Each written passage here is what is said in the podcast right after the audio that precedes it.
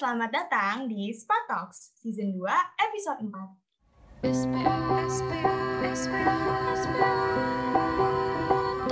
Selamat datang di SPA Talks. SR Takeover.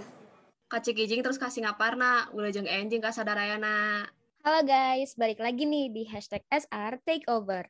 Soalnya teman-teman kita dari EA masih pada mudik. Ya nih, lama banget mudiknya. Makanya kali ini kita dari SR bakal nemenin kalian lagi nih. Yes, betul banget. Kenalin nih, ada gue, Faikoh, dari akuntansi 2020. Gue Diandra dari Akuntansi UI 2020. Dan gue Eja dari akuntansi 2020 juga. Yes. Ja, Ja, Hai, kapan nih lu mau main ke Jakarta lagi? Gak bosan apa di Bandung mulu? Bosan sih, tapi ya gimana ya kan rada jauh nih duitnya juga, woi dipikirin lah.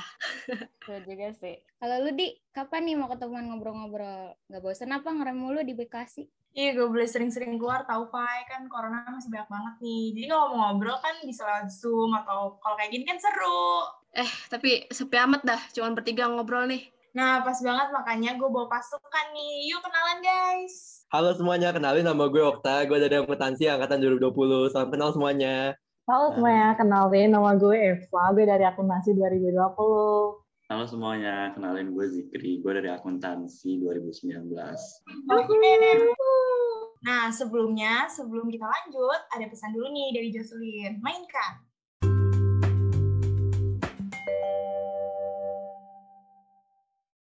Oke, Joce. Yuk kita lanjut.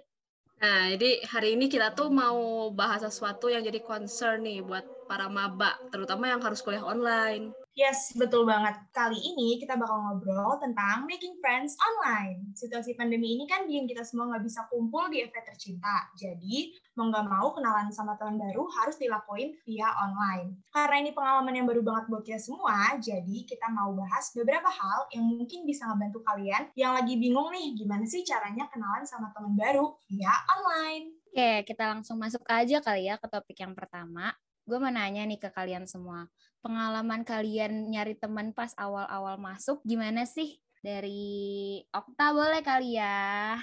Sebenarnya tuh gue pertama kali masuk FE itu kayak bingung gitu karena dari SMA gue tuh nggak ada teman sama sekali yang di akuntansi. Sampai akhirnya tuh gue nyari-nyari kontak di sekolah gue tuh. Ternyata ada tuh kakak tingkat gue yang yang di UI juga, yang di FE juga, akuntansi juga lagi. Angkatan 2019 tuh. Dia itu dia itu kakak kelas gue. Tapi nggak pernah tektokan gitu selama di SMA. Nah dari situ gue uh, ngeberaniin diri lah ngechat dia kayak masih baik-baik gitu. Selamat siang kak. Mau nanya-nanya dong tentang budaya di FE. Nah itu gue kayak bener-bener nanya gitulah apa yang apa yang gue ngerti kayak sistem kuliahnya terus nyari temen istilah-istilah kayak peer lah tembok lah demot lah. Nah, itu gue jujur kayak nggak tahu awal-awalnya kan kayak orang-orang ngomong wah gue nggak ngerti nih. Nah dari situlah gue mulai uh, diceritain sama dia masalah panitia-panitia juga. Dan dari situ gue bisa mulai kayak oh ternyata emang perlu banget nih nyari temen. Apalagi kan online ya kalau offline kan pasti ketemuan. Nah kalau online tuh gue mikir akhirnya gue beraniin diri buat lumayan apa ya lumayan bersih gitulah di grup angkatan. Bener-bener involve aja gitu di grup angkatan gue ikutin flow-nya aja. Dan terkadang dari situ tuh bakal nemu aja gitu orang yang nyantol tiba-tiba nge-PC gitu tiba-tiba nge-PC nanya ini nanya ini. Dan dari situ enaknya lu kalau misalkan mau nanya orang juga wah gue pernah tanya anak nih di grup angkatan. Jadi orang-orang nggak sungkan juga buat nge-PC lu ataupun gue nge-PC orang lain. Itu sih yang gue yang gue tanemin jangan apa ya awalnya jelas malu lah lu ngomong di depan 200 orang di grup angkatan karena gue beraniin diri karena gue berasa ya udahlah daripada gue gue punya temen selama kuliah kan ya udah gue chat aja lah ke orang-orang. Gitu dari situ gue apa ya waktu daftar ulang. Ya gue inget banget gue nanya jakun lu ukuran berapa? Kalau jakun tuh ukurannya gimana sih? Pokoknya chat-chat yang bener-bener gak jelas gitu. Beranjat beranjutnya ngomong-ngomong kayak gitu sebenarnya gak jelas tapi beraniin diri aja. Personal approach gitu sih. Keren banget, keren banget. Oke lanjut ke Eva. Kalau gue apa ya, gue jujur pertama kali tuh gue bener-bener tahu ya sih minder gitu kan. Apalagi kan gue kan kayak dari daerah gitu. Terus uh, gue gue ngomong lo gue tuh pertamanya kayak bener-bener malu gitu loh. Gimana gue harus beradaptasi gitu kan. Terus waktu itu kayak OPK, uh, kebantu juga gitu kan, gue berusaha buat ngobrol sama orang-orang. Terus uh, menurut gue, gue inget banget di mana titik di mana gue waktu itu sok ide banget oprek, oprek kepanitiaan awal-awal tuh gue daftar semua gitu, gue kayak daftar banyak. Terus dengan asumsi kayak, ya udah gue daftar aja, siapa tahu lolos. Tapi kayaknya juga nggak lolos. Terus siapa tahu gue dapet temen juga, terus gue kayak takut FOMO gitu kan. Jadi ya udah gue daftar, eh tahu-tahu kan keterima gitu. Terus dari situ gue ngerasa kayak dari kepanitiaan gitu gue mulai dapet temen sih. Karena kan kayak kita ngerjain tugas bareng kita uh, punya waktu bareng kita spend waktu bareng gitu kan. Jadi gue jadi lebih deket gitu lah. Lama-lama bisa di talk. Dan juga sih kayak tiba-tiba ada aja gitu yang tiba-tiba tanya ke gue di PC gue eh gimana kuliahnya? Eh gimana? Eh lo udah ngerjain belum tugasnya? Eh dan sebagainya gitu kan. Ya gue jadi kenal gitu sama uh, orang-orang dan bisa dapet teman juga dari situ Oke, narasumber kita selanjutnya. Gimana nih Jake? Kan lo kan sempat ngerasain offline ya, terus pas online tuh Iya. gimana nih? Ya sebenarnya kurang lebih nggak terlalu beda-beda sama yang lain sih. Ya kita mostly banyak kan itu cuman uh, bersinggungan di kepanitiaan atau organisasi gitu. Pertama kali kenalan ya gimana ya pasti SKSD gitu sih. Mau nggak mau sih pasti SKSD itu. Oke, jadi tadi tuh sebenarnya udah sempat disinggung sih sama Eva ya, OPK ya. Orientasi kayak gitu tuh kayak OPK atau mungkin OKK atau OSJUR gitu ya, welcome accounting sih ya kita. Itu tuh ngebantu nggak sih? Ngebantu kalian buat cari teman gitu nggak sih? Nah jadi kalau misalkan dulu pas offline, jujur gue banyak dapat temen. Sebenarnya gue dari sebelum OPK gue udah banyak sih temen.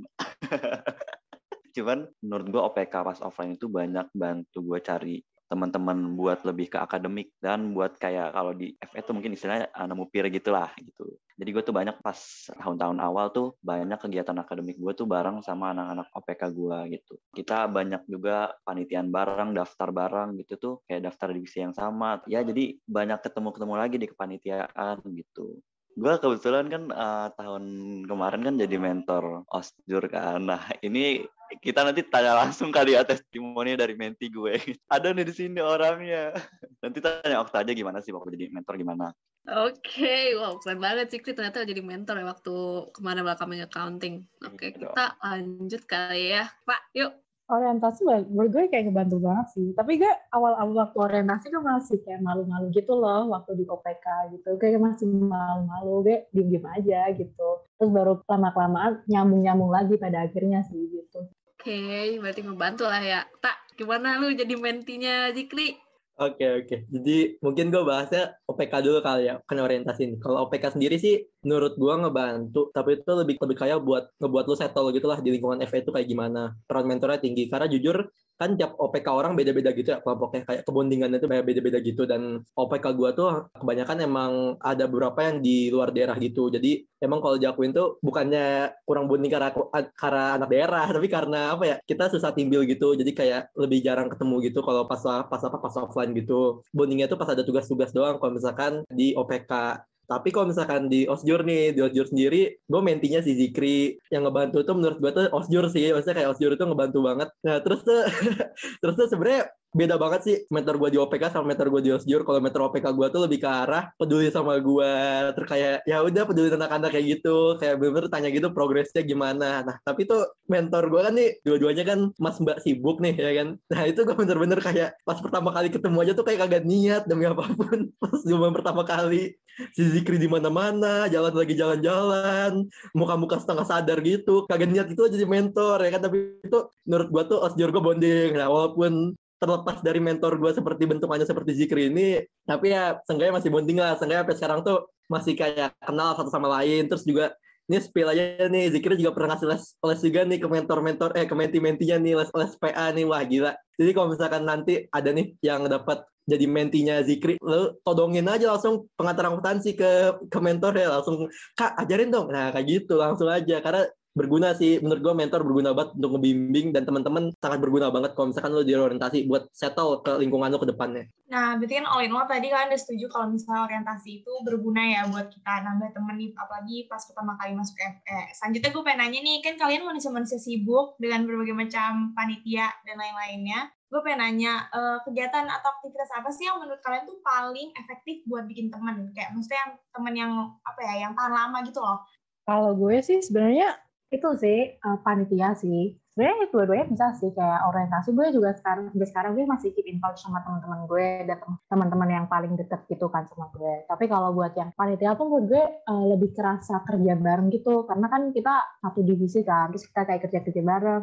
Nah kebetulan tuh kayak gue sama Oka sama Jikri itu kan jadi satu divisi. Nah itu menurut gue kerasa banget sih kita awalnya emang awalnya malu-malu gitu kan Terus habis itu lama-lama malam-malam Pak tiba-tiba Jikri ngajak ngajakin les gratis gitu, ngajakin les PA. Terus habis itu ntar malam-malam lagi Okta bahasanya udah deep talk. Terus habis itu ntar bahas yang lain. Apalagi Okta itu kayak sumber segala berita lah. Tapi FE emang kayak tembok tipis. FE itu Okta yang bikin lah. Ya gitu jadi menurut gue kayak efektif banget sih. Dari situ gue jadi tahu lah tentang FE dan dunia FE itu kayak gimana. Wah, kebuka nih apa rahasianya Okta. Ternyata dia adalah personifikasi dari tembok FW berbicara ya, guys. Bener-bener emang si Evan ini buka kartu as gue. Enggak, enggak.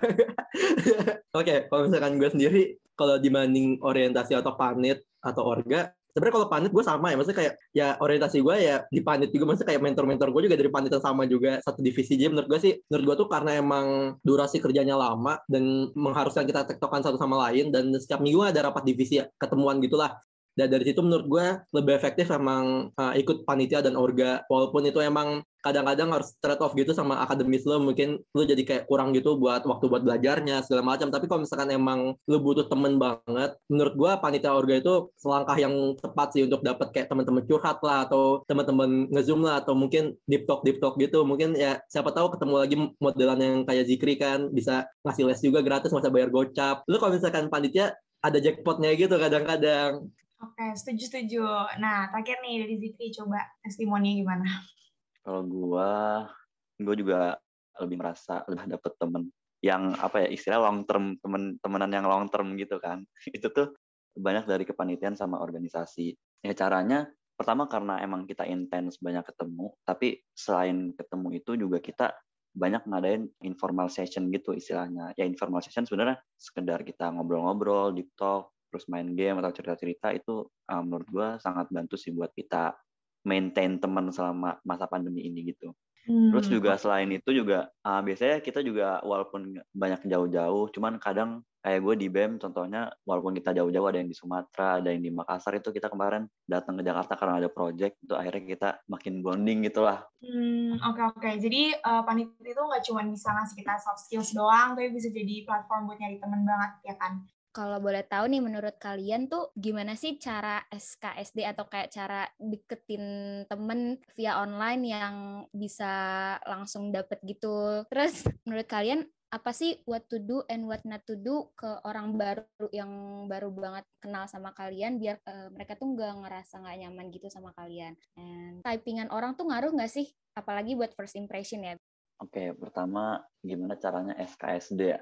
SKSD gue itu biasanya lebih banyak ke random talk gitu sih. Kayak tiba-tiba gue nanya sesuatu. Kadang gue tuh kayak nyari celah gimana biar kayak gue bisa berkomunikasi sama setiap orang di dalam suatu forum gitu. Ya jadi kayak gue encourage orang-orang tuh buat semuanya tuh ngomong semuanya berkomunikasi satu sama lain tuh kalau what to do dan what not to do ke orang baru mungkin SKSD perlu. Cuman jangan over ya. Semua yang over juga uh, menurut gua nggak bagus. Terus kalau misalkan yang not to do-nya harus membuat sebuah interaksi itu jadi intens gitu loh. Jadi nggak cuman kita datang saat ada butuhnya doang cuman kita juga selalu ada. Ya walaupun cuman kayak sekadar sekedar nanya kabar atau misalkan ngomong apa kayak yang random-random gitu itu juga menurut gua membantu banget buat uh, maintain atau kita pengen menjalin sebuah pertemanan sama orang. Karena ada jadi menurut gue tuh di FE apalagi khususnya online itu ada dua tipe pertemanan. Jadi ada temenan yang beneran temenan ada yang temenan karena apa ya sekedar keperluan akademik gitu. Jujur peer gue sih jadi gue punya peer yang peer temenan gitu ada peer yang kayak khusus buat akademik gitu. Jadi cuman terkhusus buat kayak suatu matkul gitu. Jadi kayak kita cuman komunikasi kalau misalnya lagi kelas doang gitu. Tapi sisanya tuh nggak pernah komunikasi gitu. Terus kalau typing kalau bagi gue sendiri nggak berpengaruh sih. Jujur gue pertama kali kenal Okta juga jujur gue sebenarnya nggak terlalu suka ngechat orang panjang-panjang gitu kan. Tapi ini orang tuh agak bacot gitu. Agak banyak berbicara gitu. Jadi gue akhirnya jadi terpaksa banyak chat sama dia. Jadi sebenarnya kalau bagi gue nggak berpengaruh banget sih. Karena gue welcome sih ke siapa aja oke okay, oke okay. thank you bet sudah membuka kartu lain dari Okta oke okay, kita lanjut oke okay. menurut gue paling efektif tuh SKSD online tuh ketika lu bisa tahu, lu lihat nih, nih orang uh, bacotnya di grup mana ya kan, sering ngomongnya di grup mana. Nah itu lu PC, jangan sampai orang yang nggak pernah ngomong di grup tiba lu PC. Nah SKSD yang paling bener tuh, ya lu tahu kalau orang itu emang mau aktif, kayak lu on di grup aja sebenarnya itu udah kode gitu loh. Nah itu kayak ngebuka apa? Itu ngebuka profil lu kalau misalkan lu itu emang anaknya bisa easy going, bisa apa? Mau dicat sama orang. Nah SKSD yang bener tuh jangan ke bawah serius banget. Biar lu pertama kali dilihat sama orang tuh nggak aku-aku banget lah. Jangan sampai kayak ngomongnya pertama kali, eh kenalin nama gue Okta, gue dari akuntansi jurusan duru, uh, angkatan 2020, gue mau nanya ini dong. Nah itu kayak bukak banget, parah ya kan. Lu SKSD langsung ngomongnya cuma hi, P. Nah itu bener-bener SKSD yang paling gak efektif sih menurut gue terus mungkin pahami lah orangnya tuh sebenarnya mau chatan sama lo apa enggak? Kalau misalkan emang kelihatannya udah nggak mau chatan lagi nih sama lo nih misalkan apa balasnya lama kayak udah nganyat aja lah kayak udah nganyat gitu. Nah itu lebih baik lo lo udahin aja lah SKSD lo ya kan? Ya udahlah ya kan? Nggak semua orang nggak semua orang itu bisa di SKSD-in guys. Nggak semuanya lo bisa nyaman gitu di PC terus ya kan? Nah kalau misalkan emang udah kayak tanda-tanda udah mau habis tuh percakapan ya kan? Lebih baik lo yang akhirin daripada lawan chat lo itu tiba hilang aja. Nah mendingan lo langsung kayak aja dah ya kan? Nah terus tuh don saya tuh mungkin lebih ke arah lu nanya hal yang pribadi sih kalau misalkan lu nanyanya kayak misalkan lu dari SMA mana terus kayak SKSD SMA atau kayak oh lu kenal ini nggak lu kenal itu kan kan basic ya. Tapi kalau misalkan nanya kayak alamat rumah lu di mana? Nah itu uh, lu jangan nanya yang private private gitu lah ya kan? Makanya serem banget kan kalau misalkan lu baru pertama kali kenal nah tanya rumah lu di mana? segala macam kan kita mau kenalan bukan mau COD-an bareng kan. Dan mungkin terakhir kalau misalkan SKSD-nya du sama don saya tuh dunya itu uh, jam jam chatnya. Ini jam chat ini benar-benar kayak lu harus perhatiin lah jangan sampai lu ngechat orang jam satu pagi jam 2 pagi terus tuh mengharap orangnya tuh jawabnya cepet gitu. Nah apalagi kalau misalnya udah kayak gitu lu nanya tugas lagi nggak pernah kenal, chatnya jam satu pagi, jam 2 pagi, terus nanya, tugas lagi, wah itu jangan harap bakal dijawab ya kan, langsung di blacklist nama lu ya kan selanjutnya, lebih baik lu tau lah si situasi kondisinya kalau misalkan mau SKS dia sama orang. Terakhir typing ya, gue baca cara typing gue, karena gue melihat orang dari typing, karena kan nada orang itu nggak kelihatan ya, wah gue nggak tahu nih, nih orang nadanya serius apa enggak, galak apa enggak, atau baik atau enggak. Nah dulu tuh gue typing tuh pakainya huruf gede di awal itu pakai huruf kapital dulu. Nah tapi tuh setelah gue melihat tuh kaku banget nih anak ya kan kayak orang kayak nulis surat ya kan kayak depan-depannya kapital, titik koma, kapital lagi. Wah itu bener kuak banget tuh gue ubah tuh. Gue ngetik sekarang huruf kecil semua. Terus kan lu masih bau TBK nih ya kan. Jangan ke bau puebi puebi gitu lah ya kan lu kayak santai aja lo gue lo gue ya kan. Nih kalau misalkan apa lu ketemu anak daerah nih, jangan lu paksa juga lo gue lo gue. Nah itu donsnya bagus juga tuh. Lu ketemu anak daerah nih ya kan. Lu tanyain kok lo gak pakai lo gue lo gue sih? Nah itu lebih itu lebih kacau lagi sih. Lo ikutin aja flow conversationnya. Dan ketika lo chat sama orang bagi gue typing itu penting. Sama expression expression sama stiker. Itu bisa bentuk banget kepribadian orang banget siapa lagi di line ya ini kan konteksnya di line saran gue buat buat nanti kalau misalkan lu lagi typing sama orang karena ini online ya masih konteksnya online santai aja lah ngechatnya ya kan. Kalau misalnya mungkin stiker ya tahu situasi kondisi jangan lu spam stikernya. Karena gue sendiri ngeliat karakteristik orang dari typing kelihatan sih. Mungkin Eva punya pendapat lain? Gue sih juga kayak tadi sih yang SKSD paling efektif tuh kayak yang pertama juga uh, pertama lu ngechatnya jangan asal P, P itu kayak ya elah siapa? Tiba-tiba PPP ikutin aja sih menurut kayak flow of the conversation ya. Kalau lu lagi bahas apa ya ya udah ikutin aja. Terus kayak siapa tahu lu bisa nyambung-nyambung ke hal-hal lain. Itu berikut topik-topik yang bisa kayak dulu omongin sih. Nggak cuma perlu di soal akademik aja sih kadang kan orang kesel ya misalnya kayak lu nggak kenal tiba-tiba lu tanya terus akademik akademik gini-gini terus lu minta tiba-tiba eh pap dong jawaban eh pap dong gitu-gitu kan. Kadang kan ilfil kan lu siapa tapi lu udah langsung tiba-tiba datang terus minta jawaban gitu. Lu conversation ini bahas tentang di FL lah atau kegiatan-kegiatan lu lah itu menurut gue efektif sih menurut gue kalau buat cari temen. Kalau yang bikin orang ngejauh tuh kadang kesel tuh kalau misalnya itu sih lo kayak cuma komunikasi satu arah lu datang ketika butuh doang cuma dimanfaatin gitu eh gue mau nanya dong, uh, Pak, kan lu kan udah terbiasa nih ya pakai gue lo gitu. Terus lu masuk kuliah kan ya gimana ya semuanya kan pakai gue lo. Boleh ceritain nggak transisinya atau gimana cara lu adaptasinya gitu. Jadi teman-teman maba kita yang nggak kebiasa pakai gue lo nih bisa tahu gimana fit in-nya gitu. Oke, okay. jujur, jujur itu kayak suatu challenge juga terbesar dari gue sih pertama tuh gue inget banget tuh tugas OPK kayak disuruh wawancara. Gue pertama masih pakai aku kamu gitu kan. Terus kayaknya yang satu wawancara sama gue tuh kayak kagok gitu pertama. Kalau tiba-tiba aku kamu. Dari situ gue kayak belajar kan.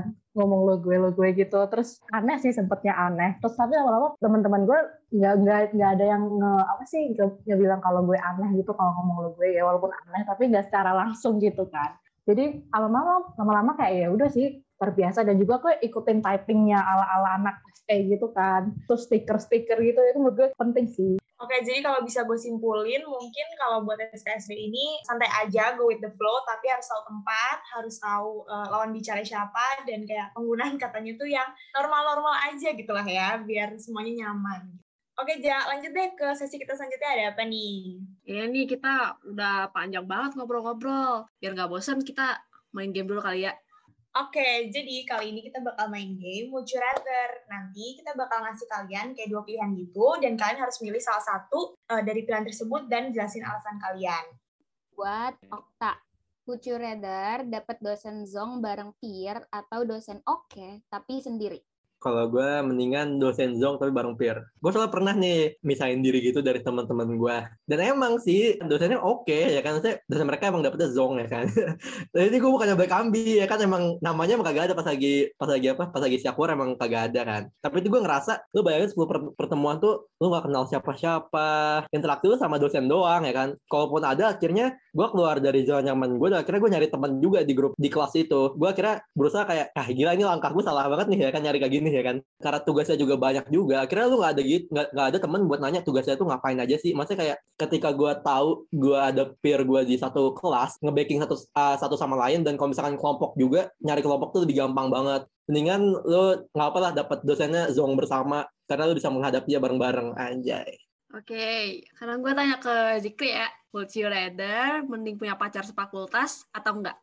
Aduh gimana ya? Menurut gua enggak. Karena kalau gue pribadi sih pacaran itu bukan pacaran sih, cuman lu punya hubungan yang spesial dengan seseorang yang itu bisa mendistraksi gue dalam hal akademik itu. Karena di FE tuh orang-orangnya pada ambis, jadi gue harus bisa ngejar, harus gue harus bisa maintain akademik gue dan maintain yang lainnya gitu. Ih, gila, ambis banget nih tutor kita. Yuk, lanjut, lanjut, lanjut, Di. Oke, terakhir nih buat Eva. Would you rather lulus tiga setengah tahun tapi semuanya dilakukan via online atau lulus empat tahun tapi dapat kesempatan buat ngerasain kuliah offline? empat tahun please gue gue kalau di daerah gue nggak sama siapa siapa woi Oke, oke. Oke deh. Seru banget sih GG Gaming lah. Tadi kan kita udah bahas nih panjang lebar ca- cara-cara memulai pertemanan. Nah, sekarang tuh yang gak kalah penting, apa sih bedanya maintaining friendship waktu online sama offline? Oke, offline dulu kali ya. Gue maintainnya tuh secara fisik dalam artian gue banyak gue harus banyak ketemu sama temen-temen gue, gue harus banyak nongkrong sama temen-temen gue, terus pokoknya apa-apa kita harus banyak ketemu gitu. Tapi kalau misalkan online itu mau nggak mau kita pendekatannya ya secara online juga lewat kita ngechat orangnya, terus kita ngobrol teleponan. Pokoknya jadi kita apa-apa tuh lebih online, lebih ke sosial media sih gitu. Oke, oke. Berarti ya karena offline mah bisa ketemu lah ya. Pengen juga sih gue offline ketemu gitu. Tapi kalau karena terpaksa online, ya udahlah kita paling Jimit atau Zoom atau mungkin Discord gitu kali ya. Oke, lanjut kayak pertanyaan kedua. Nih, gue pengen nanya ke Eva, karena Eva kan tinggalnya Jab- Jabodetabek nih, jadi mungkin agak lebih susah buat ikut timbil. Eh, menurut lo kalau lo nggak bisa ikut timbil tuh jadinya FOMO nggak sih? Terus eh, gimana cara lo ngatasin FOMO-nya itu? tempat gue takut FOMO banget. Jadi pernah tuh timbil ke Dufan. Itu tuh pas juga kayak temen gue yang staff juga tuh yang dari luar Jabodetabek. Kebetulan tuh lagi di Jakarta gitu kan. Terus ikut tuh timbil. Nah gue kayak salah satu yang nggak bisa datang kan. Gue sempat FOMO gitu. Anjir ntar gue nggak bisa deket lagi. Terus habis itu gue tinggalan berita apa pun gitu. Tapi eh, menurut gue balik ke diri masing-masing sih. Gue ya awalnya emang sempat takut ngerasa FOMO. Tapi ternyata enggak juga sih. Masih banyak hal-hal yang ya walaupun gue terbatas nggak ketemu. Tapi gue masih bisa ngobrol sama mereka dan gue nggak left out gitu sama mereka dan justru kayak dari situ tuh oh yaudah kapan-kapan uh, gue ke Jakarta ntar kita main lagi ntar kayak ketemu lagi gitu gitu kan jadi gue ngerasa kayak nggak nggak FOMO sih akhirnya pada akhirnya Gue setuju banget, karena gue personally juga belum pernah ikut timbil, jadi gue sangat setuju. demi apa demi apa demi apa pun gue gak pernah ikut timbil. Tapi menurut gue, Iya, gue iya. setuju banget sih sama pendapat bahwa eh, itu semua balik ke effort dari diri kita sendiri gak sih? Kayak gimana kita mau ma- maintain pertemanannya itu. Oke, sekarang pertanyaannya buat Okta. Seberapa penting punya teman banyak buat survive di FEB? Ini berarti ngomongnya teman banyak tuh kuantitas ya. Kalau kuantitas tuh sebenarnya perlu, tapi tuh yang emang harus ditekanin lagi sih lebih arah kualitasnya sih. Karena kalau misalkan lu punya teman banyak DFE kayak cuma uh, ngeliat-ngeliat kontak lain terus cuma kayak chatnya sekali dua kali ya kan. Iya berguna, tapi maksudnya kayak mungkin bergunanya juga nggak apa ya, nggak begitu mendalam banget lah ke depannya. Yang lo harus cari juga selain temen lu banyak tuh, lu harus mempertahankan satu kelompok circle lu yang emang lu bisa ngabisin waktu terus sih. Itu yang bisa gua tangkap selama ini kalau di kalau misalkan nyari temen selama online ya. Dan kalau misalkan survive perlu banget lo jangan sampai menutup diri. Nah kalau gue sendiri belum bisa sih nemu orang yang ngelihatnya kayak ambis sendiri gitu. Walaupun ya mungkin ada kalau ambis sendiri. Tapi kalau misalnya mau ngambis tuh tuh cari teman yang ambis juga. Pasti ada deh bentukannya yang satu hobi sama lu di FE dari 800 anak satu angkatan itu pasti ada ya bentukannya sama. Lu mau teman mabar teman yang timbul terus lah yang covidiot lah. Terus mau yang chat-chatan doang kayak kan? Kayak anak-anak alim anak-anak caur. Di FE itu pasti ada bentukannya. Jangan jangan sampai lu takut buat nyari temen karena survive di FA itu penting banget apalagi kalau misalkan lo ketemu tugas kuliah dan tugas kuliahnya butuh temen banget Gila, gila. Mantap, seru banget ya ngobrol. Buset. Dari suhu kita, betul sekali. Gak kerasa, woi, udah hampir setengah jam untuk mengakhiri sesi basa-basi kita yang basi ini. Boleh dong kalian kasih advice ke teman-teman akun 2021 biar mereka bisa ngatasin struggle nyari teman-teman di masa-masa maba. Oke, kalau dari gue sebenarnya advice-nya gampang aja. Kalau misalkan kalian mau punya banyak temen, mau mau banyak yang deketin juga. Yang penting pertama, kalian harus bisa buka diri. Bisa buka diri, bisa open sama siapa pun itu temennya. Kedua, jaga image kalian aja sih. Udah itu aja. Kunci sukses bersosialisasi di FE. Bener sih ya, gara-gara tembok tipis FE tadi ya. lanjut, lanjut. Betul banget. Dari Eva.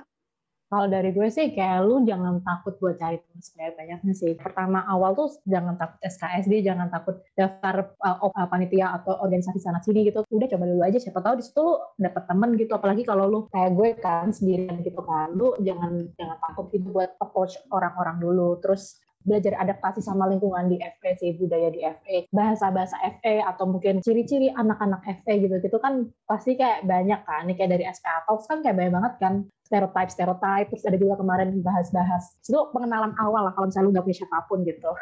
Ya sebenarnya tuh kalau misalkan buat maba nih pertama banget jangan lu ngerasa bisa bisa hidup sendiri kalau misalkan di FE lu nggak bisa hidup sendiri depresi yang ada ya kan? Sakit mental lu kalau misalkan di FE kagak ada temen ya kan? Penting banget lu buat nyari temen. Mau itu banyak mau itu sedikit mau itu teman-temannya gimana bentukannya juga. Karena itu yang bakal ngebentuk diri lu selama empat tahun ke depan atau tiga setengah tahun lah. Pokoknya tuh lu nyari temen cari lingkungan yang bener-bener lu nyaman di dalamnya. Jangan sampai lu cuma ketemu temen yang menurut lu karena apa kebutuhan utama lu nyari temen. Akhirnya lu nggak nyaman sama lingkungannya. Dan akhirnya lu, lu sendiri yang nyesel ada di lingkungan tersebut sebelumnya gue mau ngucapin makasih banyak buat kalian semua bertiga yang keren-keren banget mau ngobrol bareng kita di SPA Talks episode kali ini. Semoga ke depannya kalian semua makin sukses ya. Kita semua makin sukses. Makasih juga buat teman-teman yang udah mau dengerin obrolan kita di episode SPA Talks kali ini. Nah, kalau teman-teman punya cerita untuk di-sharing di SPA Talks, bisa langsung DM at SPAFEBUI di Instagram. Init ke sungai bade mancing nila, hapunten ti SR, undur diri heulanya. See you di episode SPA Talks selanjutnya. SPA, SPA, SPA, SPA.